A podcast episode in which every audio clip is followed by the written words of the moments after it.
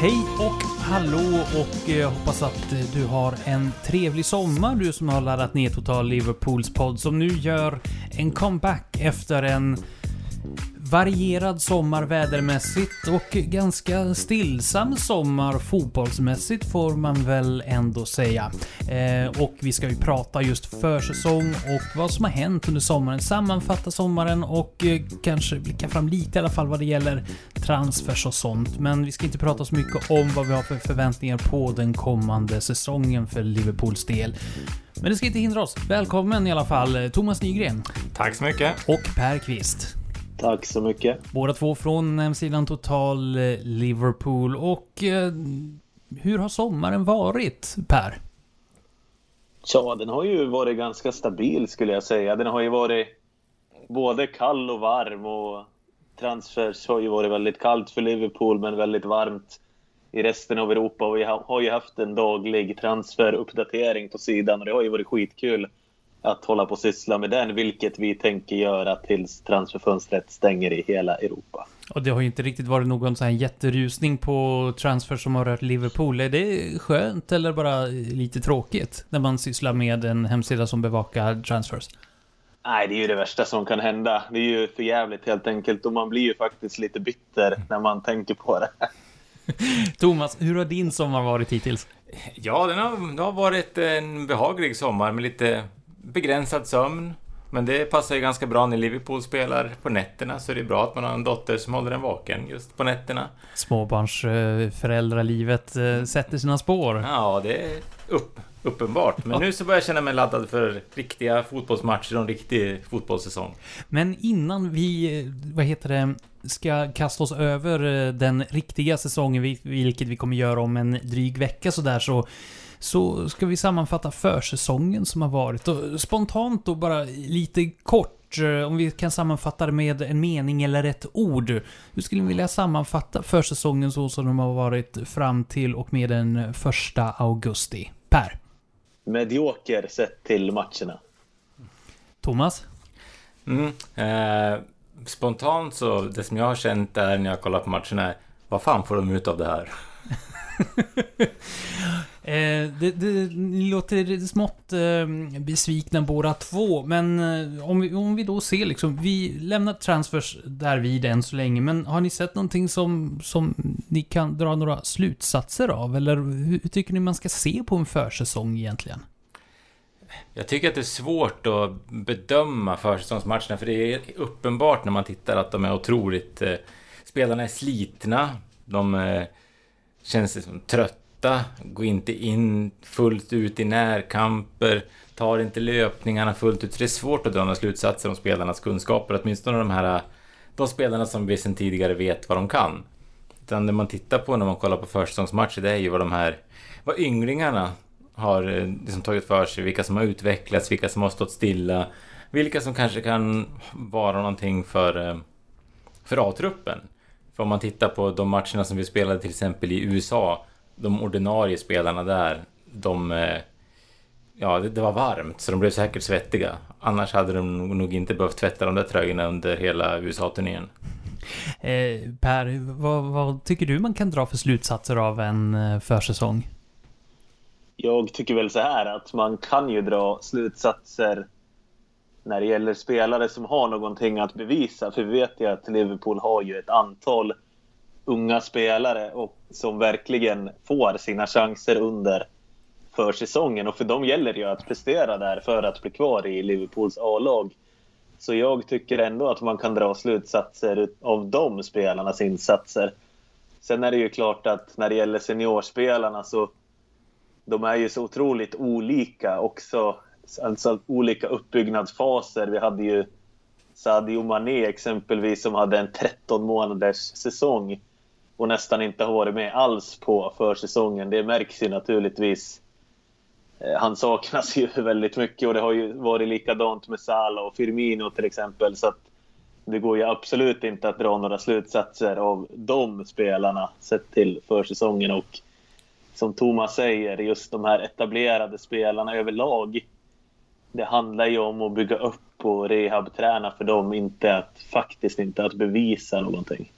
Sen eh, tycker jag också det blir, det blir mer och mer tydligt att försäsongen handlar mycket om marknadsföring, kanske snarare än, eh, än själva fotbollen. Att man, måste, man ska åka till ett land där det är många supportrar så att man kan liksom sprida ett namn och dra in mer pengar och sådär. Jag tror inte att det ultimata för att bygga upp ett lag under en försäsong som Liverpool är att åka till USA. Liksom en lång resa både fram och tillbaka med jetlag och allt vad det blir. Och spela i olika städer, resa runt mycket. Jag har svårt att tänka mig att det är det perfekta för fotbollen. Däremot så är det ju såklart i dagens fotboll så är det ju såklart omöjligt att bli någonting om inte man är ute på den stora marknaden. Så jag förstår ju varför man gör det. Men eh, när man tittade på till exempel Liverpool när man spelade mot Sevilla. Då det var ett lag som, äh, Liverpool som eh, kändes trötta, oengagerade. Och ställdes mot ett lag som bestod av vilda djur kändes det som. som inte, att inte skadan kom tidigare den matchen var ju ren tur kändes det som. Kanske bara var jetlaggade. Ja. ja. Wilson blev väl skadad innan i och för sig. Ja, just det. Så det var ju flera skador där. Ja. ja nej, men det känns lite grann som att eh, det, det handlar också mycket om att liksom, marknadsföra sig och sprida ett namn. Och det, det är ju viktigt det också, men jag kan tycka att det, ja, fotbollen kan bli lidande av det ibland under en sån här försäsong. Och det var ju då många spelare som, eh, många yngre spelare som eh, skulle eh, testas. Förra säsongen så var det Curtis Jones som fick bra betyg. Även Ben Woodburn var ju väldigt uppskattad under förra försäsongen. I år så blev de petade efter USA-turnén. Eh, och det innebär väl att... Och eh, Ben Woodburn har ju till och med blivit utlånad till eh, League One-laget Oxford.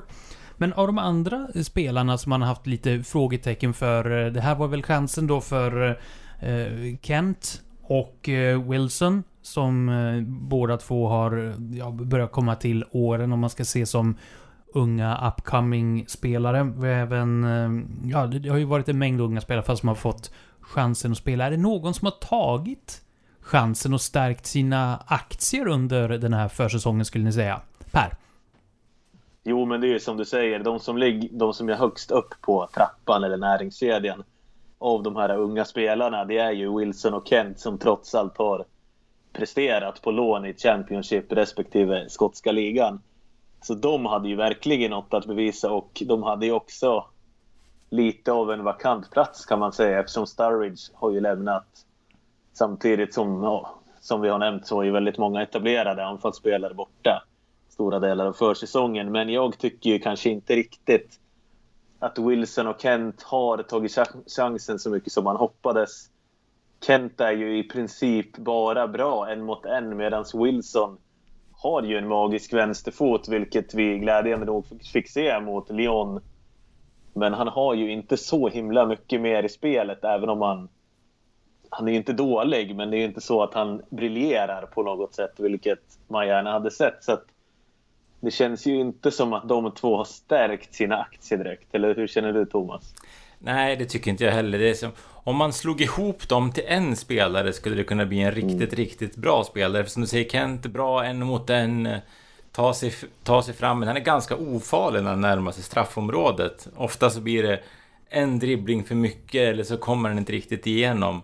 Och eh, Wilson, alltså han har, han har ju en vänsterfot som håller, ja, den håller ju yppersta världsklass när han får tid på sig att ladda. Men eh, han är inte speciellt delaktig i spelet, har svårt att komma till. Det känns inte som att han eh, han är lite för ensidig som fotbollsspelare för att kunna konkurrera i Liverpool. Är min känsla i alla fall. Sen så vet man ju inte om det kan bli lättare för honom när han får spela med riktigt, riktigt bra spelare. Han kanske får mer utrymme. Men eh, den här spelförståelsen och för kombinationen och sånt som den ordinarie trion har till exempel, den tycker jag att han saknar eh, helt. Egentligen. Sen... Eh, han är fortfarande ung, kanske kan ta ytterligare kliv, men som vi var inne på tidigare, det börjar liksom bli dags att, eh, att visa det nu. Och frågan är om... Eh, frågan är om inte Kent och Wilson kanske snarare är spelare för mittenregionerna i Premier League istället för... Eh, istället för topplagerna. Men eh, ja, det ska bli intressant att se vad som händer med dem nu när fönstret är på väg att stänga för eh, det skulle förvåna mig jättemycket om båda blir kvar. Och sen är frågan vem utav dem som Klopp tror mest på. För en utav dem tror jag nog att vi kanske kommer få se åtminstone fram till jul. Och eh, det, det, har ju försvunnit eh, några spelare. Det har ju varit då eh, Daniel Sturridge har ju försvunnit som ändå har spelat i A-laget och Alberto Moreno som har varit någon form av vikarierande vänsterback har försvunnit. Ingen av dem har egentligen ersatts mer än då att Origi har förlängt sitt eh, kontrakt. Så att han är kvar längre, eh, av, längre tid nu än vad som var tänkt från början. Eh, däremot så har, har det ju pratats om eh, på vänsterback-förslag. Eh, Adam Lewis har, pratades det ju om innan försäsongen. Eh, hur ser det ut på ytterbackspositionerna? Har det kommit upp någon som skulle kunna vikariera om nu Andrew Robertson eller eh, Eh, Trent Alexander-Arnold inte skulle spela. Nu när eh, vikarierna, vikarien har eh, försvunnit. Eh, till höger så ska man komma ihåg, har vi först och främst jag Gomez som kan eh, alternera såklart. Men där tycker jag att eh, Kiana Hoover har sett väldigt spännande ut. Jag tycker han skötte det bra mot Depay igår i Lyon. Han, eh, han har ju inte Alexander Arnolds inläggsfot, den är han ju mil ifrån, men det är ju de flesta högerbackarna. Ehm, däremot så har han en bra spelförståelse, snabb, stark, lite opolerad kanske i brytningarna än så länge, men eh, jag ser ju hellre att man kapar ner motståndarna vid mittlinjen än att man går bort sig och kommer efter. Så det kommer, han kommer kunna bli en väldigt bra fotbollsspelare. Sen, han är ju inte någon som kan vara redo för att spela ordinarie i Liverpool nu. Men som ett eh, backup-alternativ till Alexander Arnold och slänga in mot kanske lite sämre lag så att jag och Gomes kan spela i mitten. Det tror jag att Hoover snudd på är redo för redan nu. Eh, Alexander Arnold var väl i den åldern ungefär när vi började känna att han var redo.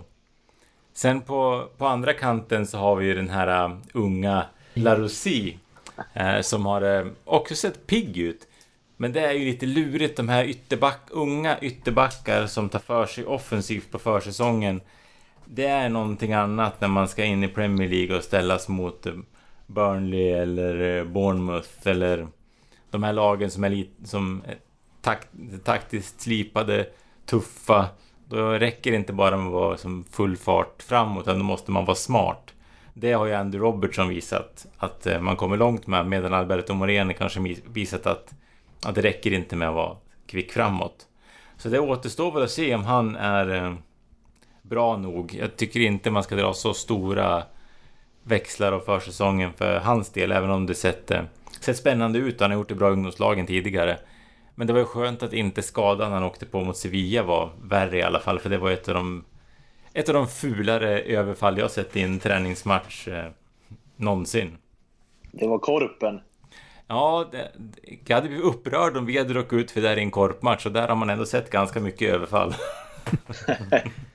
Per, vad, vad, säger du då om den här eh, delikata ytterbackspositionen? Att man nu har blivit av med en etablerad ytterback. Eh, sen kan man tycka vad man vill om Morenos insatser i Liverpool, men det var ändå en etablerad ytterback.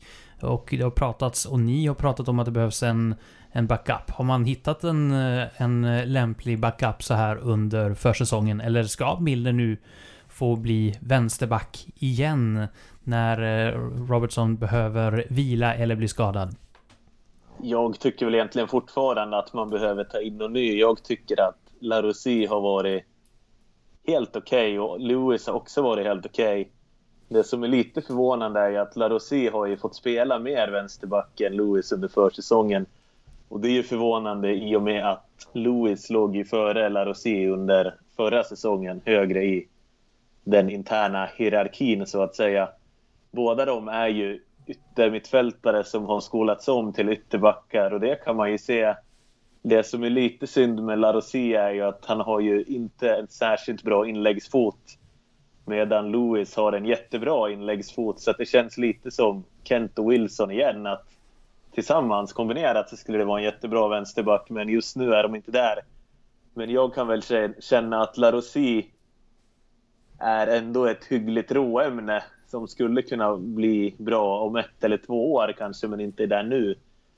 Däremot Hover på andra sidan, Hover eller Hoiver eller hur man nu uttalar det, han är ju han känns ju lite som en ung Joe Gomez eller så. Han känns ju väldigt komplett.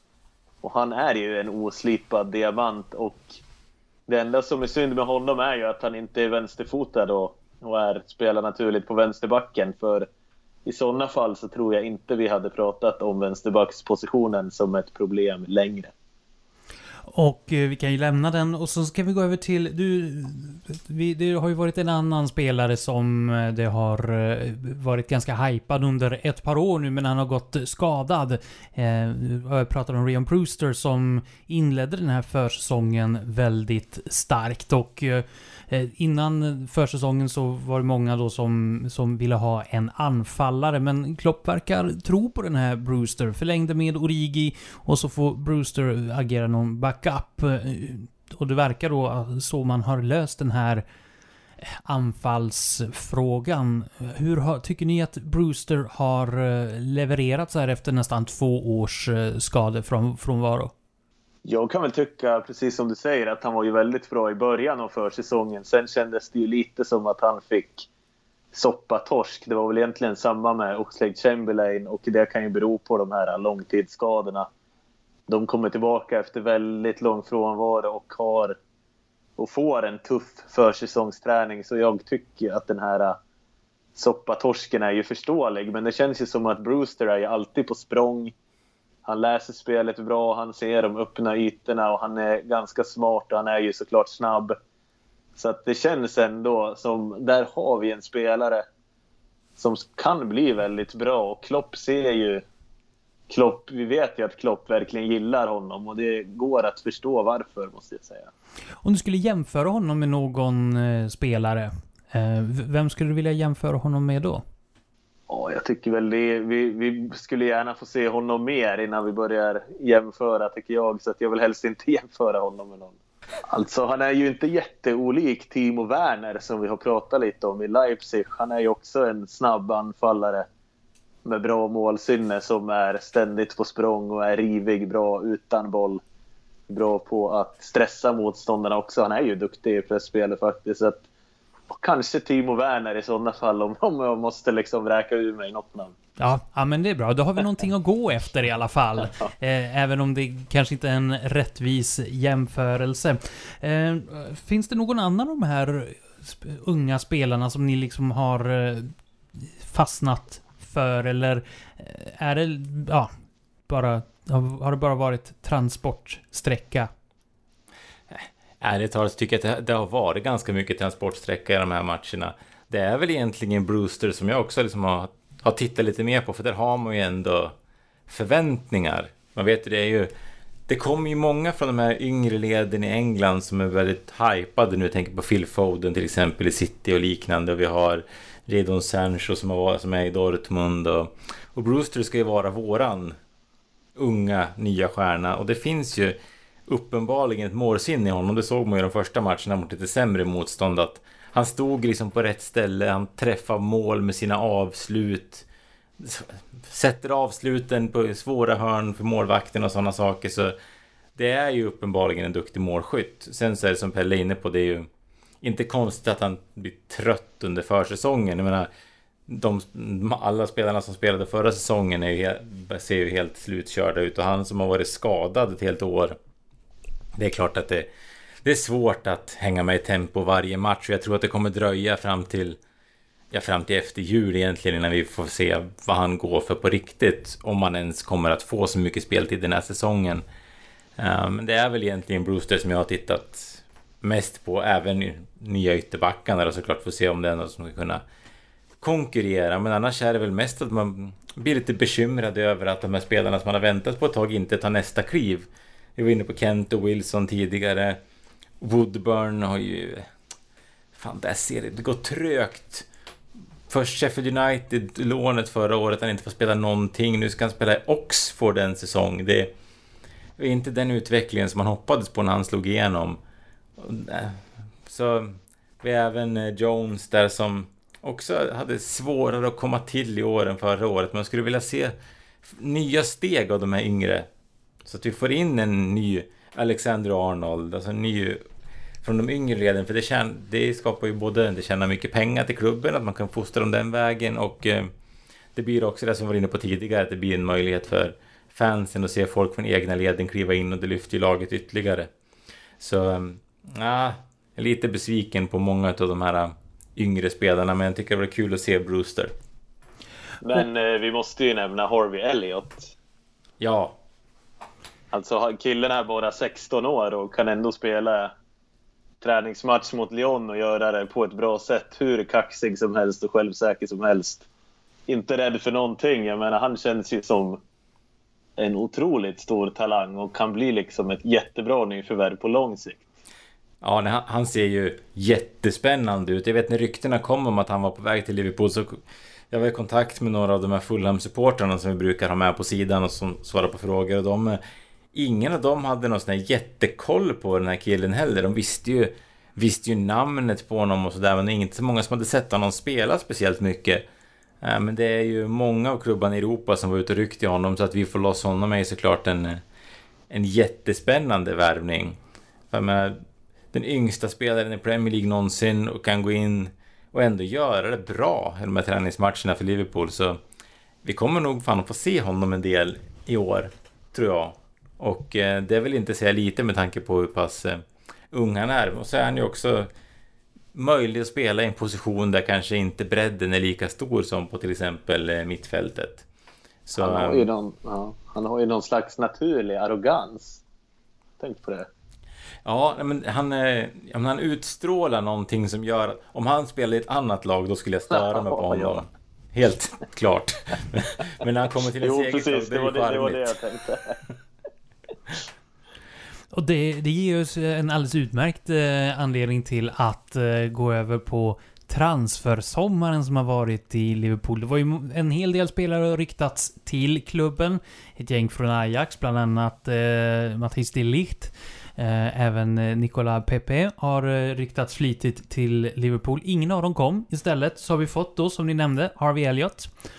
16 år. Och Sepp van der Berg, mittback från Holland istället för de Ligt också 16-17 år. Vad säger ni om nyförvärven som har varit? Är ni nöjda eller är ni besvikna? Svårt att det, här är två spelare som säkert kan bli bra i framtiden. Elliot som vi var inne på ser ju jättespännande ut. En ung mittback från Holland.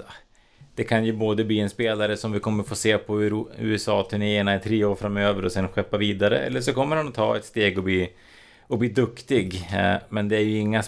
Ingen av de här två kommer att ha någon betydande roll för Liverpool eh, i år. Utan det här är ju spelare för framtiden. Så sammanfattningsvis så kan man väl säga att Liverpool egentligen inte har värvat speciellt egentligen alls. Utan man eh, förstärker liksom de, de yngre leden. Och kanske Elliot kan komma in och göra någon göra några inhopp och spela lite grann i år. Men det är ju, tanken kan ju omöjligt vara att han ska ha någon viktig roll i år. Utan eh, man värvar för framtiden och bygger, på, bygger vidare med den trupp som bevisligen gjorde det bra förra året. Per, hur, hur, känner du inför den här eh, sommaren när man har eh, värvat genom att egentligen inte värva mer än för eh, den, ja, på väldigt lång sikt. Det kan ju inte vara meningen att vare sig Sepp van den Berg eller Harvey Elliot ska egentligen bidra med någonting rejält till första elvan inom i alla fall fyra fem år. Nej, men jag, jag är faktiskt lite besviken och det är inte bara för att det är dåligt för sidan och uppdateringarna.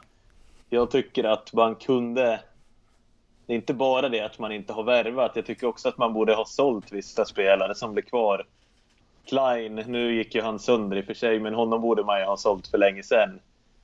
Eh, han har ju liksom inte haft en roll i laget på evigheter, men han har ju ändå varit kvar på lönelistan trots att han har ju, eller hade ju ett marknadsvärde. Nu går ju hans kontrakt ut och man kommer tappa honom på free transfer för enligt, ja, enligt uppgifterna så kommer han inte vara frisk i januari för att klara en läkarundersökning någon annanstans.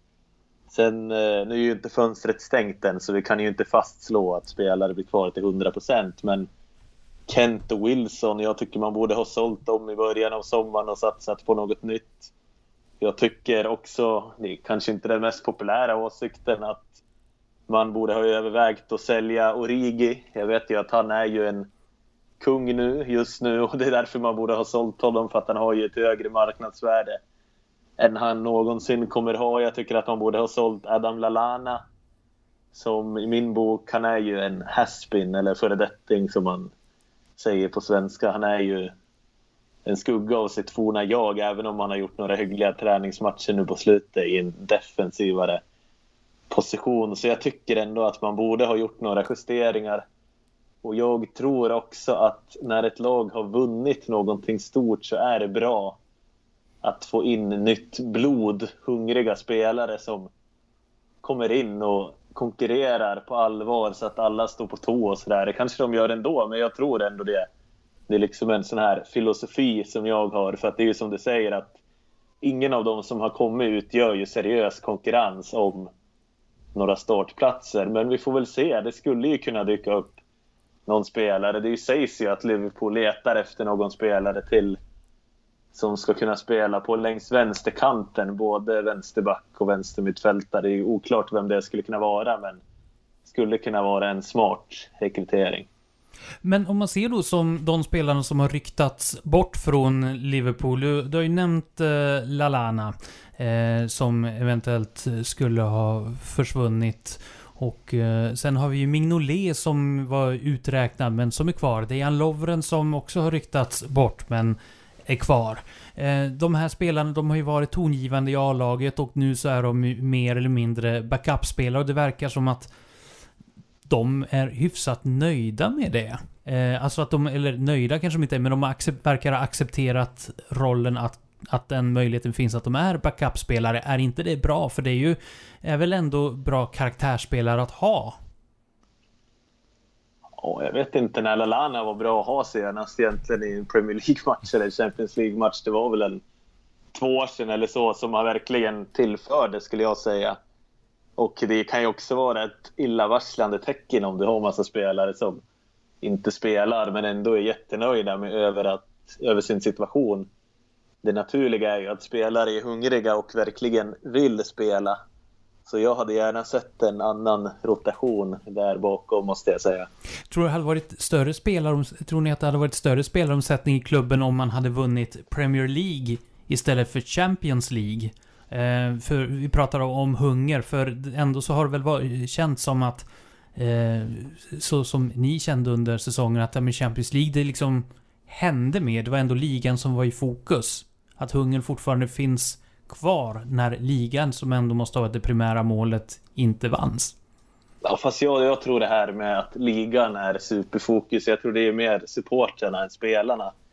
Jag tror inte att, speciellt importspelarna, jag tror inte att de ser Premier League som en större titel än Champions League. Så att jag tror vi får särskilja lite på spelarna och fansen. Och eh, nu då så, så har man än så länge inte köpt någonting, in på, eller tagit in någonting, utan man har gett de yngre spelarna chanser. Jag antar att Kent och eh, Wilson har fått, fått en ärlig chans, så att säga, innan man har eh, valt att köpa in, eller lägga väldigt mycket krut på att köpa in en ytter. Eh, hur många... Vad, vad, tycker ni nu att Liverpool ska gå vidare med i, så här nu precis innan, innan transferstoppet sker? Jag är ju lite grann in... Klart, man skulle kunna titta på och försöka få in kanske någonting för att bredda i backlinjen. En trygghet till vänster bakom Robertson eftersom Larossi och Lewis känns lite ofärdiga. Men annars så, så här sent i fönstret tycker jag att vi ska hålla oss borta från att värva annars. Vi har ju sett tidigare att när vi värvar spelare under Klopp så tar det ju tre, fyra månader innan de kommer in i spelet. Och eh, jag tänker... Delvis så tycker jag också att det är tråkigt att inte vi har gjort någon förstärkning. Vi pratade ju förra, förra gången vi träffades om att vi ville se en anfallsspelare till. En dyr anfallsspelare som kan alternera med de här tre där framme. Samtidigt så ser jag också vinst i att man Klopp bygger vidare på de här spelarna som man känner. Vi har ju sett sånt som, eh, som Matip som vi alla hade räknat ut som har gått in och utvecklats och nu känns som en eh, fullt fungerande mittback i ett lag för att vinna ligan. Um, vi har sett Henderson och Milner ta steg. Vi har sett förra året Wijnaldum tog steg. Uh, Origis avslutning på förra säsongen, så ytterligare en spelare som hade räknat ut som har klivit fram. Så det är inte omöjligt att de här spelarna som vi haft ett tag, om bara Klopp kan hitta rätt roll för dem så kanske de kan uh, bidra med någonting som de inte gjort tidigare. Nu har ju Lallana spelat en defensiv mittfältsroll på försäsongen. Det är inte så att jag är övertygad om att det är eh, någonting för, eh, som vi ska satsa på, men eh, Klopp har ju haft en förmåga att se någonting i spelarna som vi fans inte ser. Och eh, man ser ju också just det här att det är ett lag som har otroligt bra sammanhållning. Det känns ju som att det är en gedigen samarbetad trupp. Mm. Och det får man ju om inte det är så mycket ut och inte så mycket in. Uh, få in en ny spelare, kanske en stjärnspelare som är van att, liksom, som är van att eh, spela varje match. Det skulle kunna rubba den här atmosfären som man har i laget också. Det, det är ju också en fara. Uh, sen precis som Pelle är inne på, det finns ju alltid den här risken att när man har vunnit någonting att man kanske blir lite bekväm. Man pratar ju om att det ska försöka få in, få in nya namn för att hålla dem alerta. Samtidigt så har ju vi en tränare där som är väldigt, väldigt bra på att hålla spelare just eh, alerta. Det har man ju sett nu på försäsongen, bara att han står och skriker som en, mm, som en galning på sidan när de inte tar löpningarna trots att det syns att spelarna är helt slutkörda. Så eh, jag är delad till den här transfersommaren. Jag förstår inte riktigt de här domedagsprofetiorna som man kan se på sociala medier om att Liverpool kommer komma fyra nu bara för att de andra lagen värvar så bra och vi inte värvar alls. Eh, jag ser ju inte att eh, Tottenham eller United eller Arsenal har gjort någonting för att eh, närma sig oss speciellt mycket och jag tror inte heller att vi kommer vara sämre än förra året. Utan eh, vi kommer säkert att ta färre poäng den här säsongen än förra säsongen, men det tror jag beror mer på att de andra lagen kommer att bli lite bättre och att eh, ja, City kommer också att ta färre poäng. Så eh, vi, vi står bra rustade inför nästa säsong. Det är klart att man alltid vill ha mer. Man är ju girig som fotbollssupporter, men ibland så måste man också komma ihåg att eh, man har, Liverpool har ju en bred trupp. Vi har ju ett mittfält med sju, åtta spelare och det är tre positioner som ska fyllas. Samtidigt som en sån som Oxlade Chamberlain kan spela offensivare. Vinaldum kan spela mer offensivt. Keita kommer säkert kunna flyttas upp i plan lite grann vid behov. Så... Eh, nej, jag, jag, tycker det känns... Eh, jag tycker det känns bra. Men vad är det för typ av spelare, om man nu skulle då eh, värva, eh, som man egentligen ska rikta in sig på? Eh, Liverpool är ju ändå i det delikata problemet att man har en väldigt stark startelva. Jag menar, det finns inte så många spelare som eh, skulle kunna ha potential att eh, peta eh, Mané eller Salah eller Firmino eh, i, i, i, en eh, potentiell startelva som är givna att peta de här när, när alla tre är friska. Eh, ska man satsa på någon som konkurrerar med någon av Liverpools startelva eller mer en backup-spelare? Det tycker jag är lite grann frågan hur man, ska, hur man tänker runt den här fronttrion. För ska man ta in en spelare som ska konkurrera, då måste man nästan börja rotera. Och det har vi ju inte gjort speciellt mycket. Nu har ju Salah, Mané och Firmino spelat i stort sett varje match. Um, och eh, tänker man att man ska fortsätta så att i de stora matcherna då spelar de här tre. Då är det ju svårt att hitta någon som eh, accepterar rollen som är på deras nivå. Vi kan inte värva in eh, Marco Reus för att han ska spela liksom i ligacup, FA-cup och en enstaka ligamatch. Utan eh, då behöver man ju tänka om hur man ska använda de där tre där fram. Och jag tror att Klopp vill spela, spela sina tre anfallare i de, i de eh, stora matcherna och sen ha Origi där bakom, Brewster där bakom, vi har Shakiri och några till som kanske kan alternera. Um, så tänker man sig att den här topptrion ska fortsätta spela så mycket som möjligt, då är det väl snarare en backup-spelare man ska hitta och det är ju... Det är ju svårt att hitta rätt spelare då. Per? Mm, men jag tänker så här om bredden, till exempel vänsterbackspositionen. Moreno försvinner ersätts egentligen inte av någon alls. Det är ju, det är ju klart det är en försvagning. Det går ju inte att se det på något annat sätt. Det går inte att säga att vi har lika bra bredd på den positionen nu som förra säsongen. Den är ju sämre. Och det som jag kan känna i anfallsväg är ju att Salah, Firmino och Mané. Jag menar, Mané hade en säsong som var 13 månader lång att den här anfallstrion ska hålla sig så fräsch och skadefri som de trots allt gjorde förra säsongen är det realistiskt att tro, att, att tro att de ska kunna spela lika mycket som förra säsongen? Jag är ingen expert så på skador och så vidare, men jag är ändå ganska skeptisk till att man tänk, om man tänker sig att de ska kunna spela lika mycket och göra det lika bra. Jag tycker det låter... Ja, hur realistiskt är det egentligen? Så att jag tycker ju verkligen att man borde ha sett över si, sina alternativ framåt. Att Brewster ersätter Sturridge, det kan jag ändå köpa. Men just det här att de tre spelarna har spelat så otroligt mycket. Och visst har vi bra spelare bakom, men det är ändå väldigt stor skillnad i nivå. Och det här med att, ja, vem skulle vilja komma och vara backup? Den frågeställningen hör man ju aldrig någonsin när någon pratar om våra konkurrenter, om Champions League eller Premier League, Manchester City, när de värvade Bernardo Silva. Hur många likadana spelare hade de då? Eller Mares förra sommaren. De hade ju väldigt många duktiga spelare på hans position, men han gjorde ändå någon slags skillnad i slutändan. Och Barcelona och Real tar in spelare på löpande band. Och jag menar inte att vi ska ta in lika bra spelare, men, men att man inte kan fiska fram någon.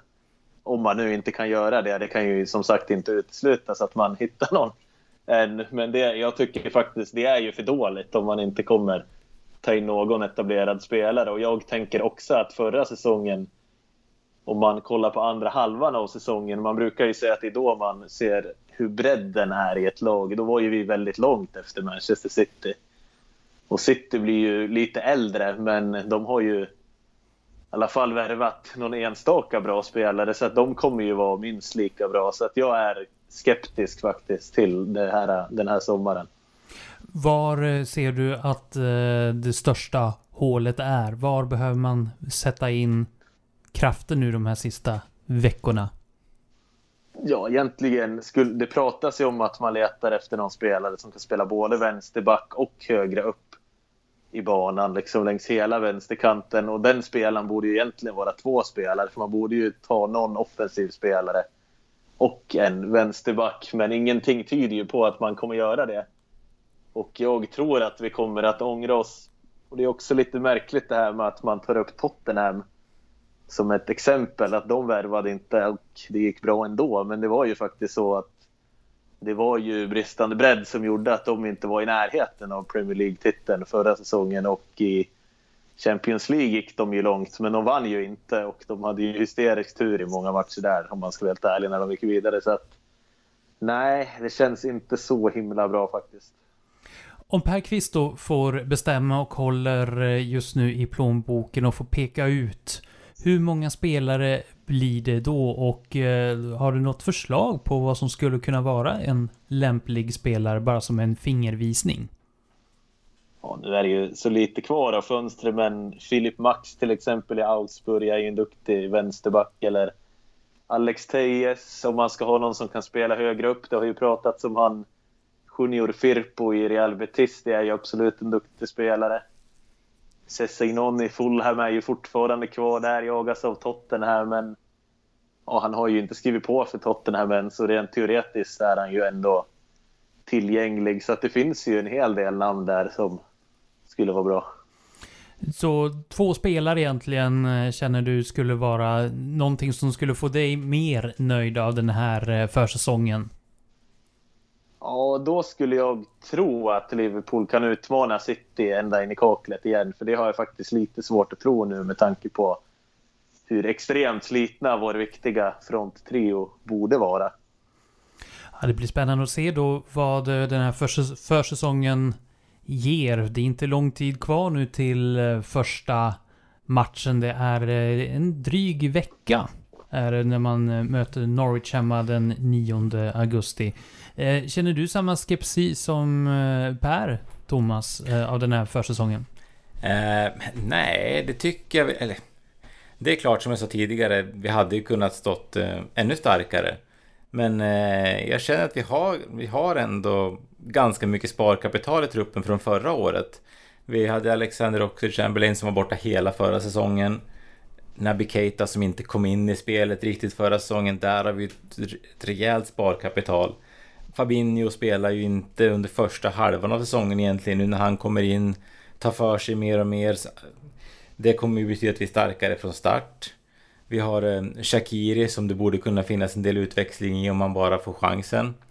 Eh, Brewster kommer vi kanske inte se jättemycket av i år, men vi har en Origi som också sett bra ut på försäsongen. Så... Eh, alltså, jag, som sagt, det är klart vi hade kunnat eh, lägga pengar på att få in ett nytt namn, men jag tycker ändå att det ser bra ut och eh, City-spelare börjar bli lite äldre och eh, en sån som Agüero var frisk hela förra säsongen. Han brukar inte hålla sig frisk speciellt liksom, under, under längre perioder i sträck. Jag tycker inte att eh, Jesus är på alls samma nivå. Vi har en Sané som är på väg bort till Bayern München kanske. Mares, jag vet inte, var inte speciellt imponerad av de matcherna han gjorde förra året. Så ehm, det är klart att City är stora favoriter, men tittar man på det här med investeringar och sånt, vi kan inte riktigt jämföra oss heller med City som har en annan eh, pengapåse än vad vi har. De har ju, de har ju en eh, starkare ekonomi och också granskas av Financial Fair Play och jag vet inte om jag skulle vilja byta med byta situation eh, med dem just sett till pengarna. Och det finns också en vinst i att de här spelarna där bakom känner att det finns en chans att ta ett kliv in. Så eh, jag tycker att vi ser, eh, vi ser bättre ut än förra året. Sen om det räcker för att passera City, det får väl, eh, det får väl se. Det är svårt att, svårt att konkurrera med ett, med ett så pass starkt lag. Vi gjorde det bra förra året. För säsongen slut, känner ni att det ska bli skönt att säsongen drar igång? Per? Jo, men det ska det ju ändå. Försäsongsmatcher är ju faktiskt ingen höjdare rent generellt, även om vi har kunnat sätta allt på Viasat nu så det har ju ändå hållit en viss kvalitet så, men fan vad skönt det ska bli med tävlingsmatcherna.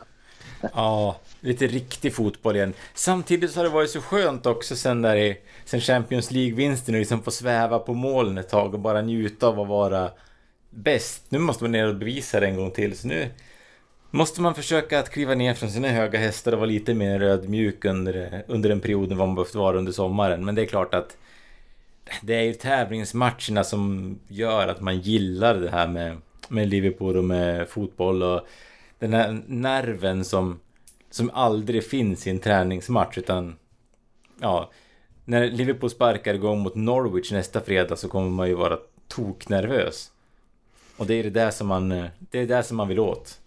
Och eh, innan första matchen är spelad så är alla lag lika nära en ligavinst och, och chansen finns där. Och vi kommer att prata mer om Liverpools chanser i ligan och gå mer in på ja, vad man tror helt enkelt om Premier League-säsongen i nästa avsnitt. Så vi kommer att spela in ganska snabbt inom ja, loppet av en, en och en halv vecka i anslutning till premiärmatchen mot eh, Norwich. Eh, fram tills dess, vad hoppas ni att vi kommer att få se och höra på... Vad hoppas du Per att du kommer att få, få skriva på Total Liverpools hemsida? Jo, men jag hoppas ändå att man kommer få skriva om något nyförvärv som vad ska vi säga, 15-20 miljoners pundsklassen. Någon intressant spelare som inte är färdig men ändå kan komma in och tillföra. Så det, det skulle vara skitkul. Och eh, Thomas, vad eh, har du nu att se fram emot den eh, kommande veckan? Vad hoppas du att kommer hända fram till premiären? Ja, nej, men jag hoppas väl att vi tar säsongens första titel. Vi har ju titelmatch på söndag där i den här äh, återvärda Community Shield-matchen mot City. Mourinho räknade väl den som en buckla om jag inte vill, minns fel. Så det, det är väl ett ypperligt tillfälle att spänna musklerna. Nej, men eh, klart den matchen är ju egentligen... Den matchen hoppas att vi inte lägger allt för mycket vikt vid. Nej, men jag, jag hoppas att vi kommer få se ett, um, en bra vecka fram till premiären. Inga inga rubriker om slitna spelare eller trötta spelare utan att utvecklingen fortsätter att gå, att gå framåt. Så att premiären mot Norwich blir en riktig styrkedemonstration och visar de här som tror att Liverpool kanske inte är att räkna med fullt ut i år att eh, Tottenham, Arsenal och United och Chelsea de får nog... Eh, de ska spela i sin egen lilla liga där bakom ettan och tvåan. De ska vara närmare Everton än oss innan det här är över. Så 3-0 eh, efter 20 minuter och sen en promenad eh, de resterande 70. Det är vad vi kan se, hoppas att se fram emot i premiären. Ja, men nu har vi ju inte Suarez. då, då var det ju en säker seger med 4-5-0 mot Norwich. Ja, vi får se hur det går och eh, vi kommer att höras igen ganska snart. Tack så mycket för att du tog dig tid att ladda ner det här avsnittet av Total Liverpools podd och vi hörs ju snart igen. Tack så mycket för att du var med återigen Per Kvist och eh, Thomas Nygren. Tack så mycket. Tack, tack. Och så hörs vi. Fram tills vi hörs igen. Ha det så bra. Hej då! Liverpool, Liverpool. Liverpool.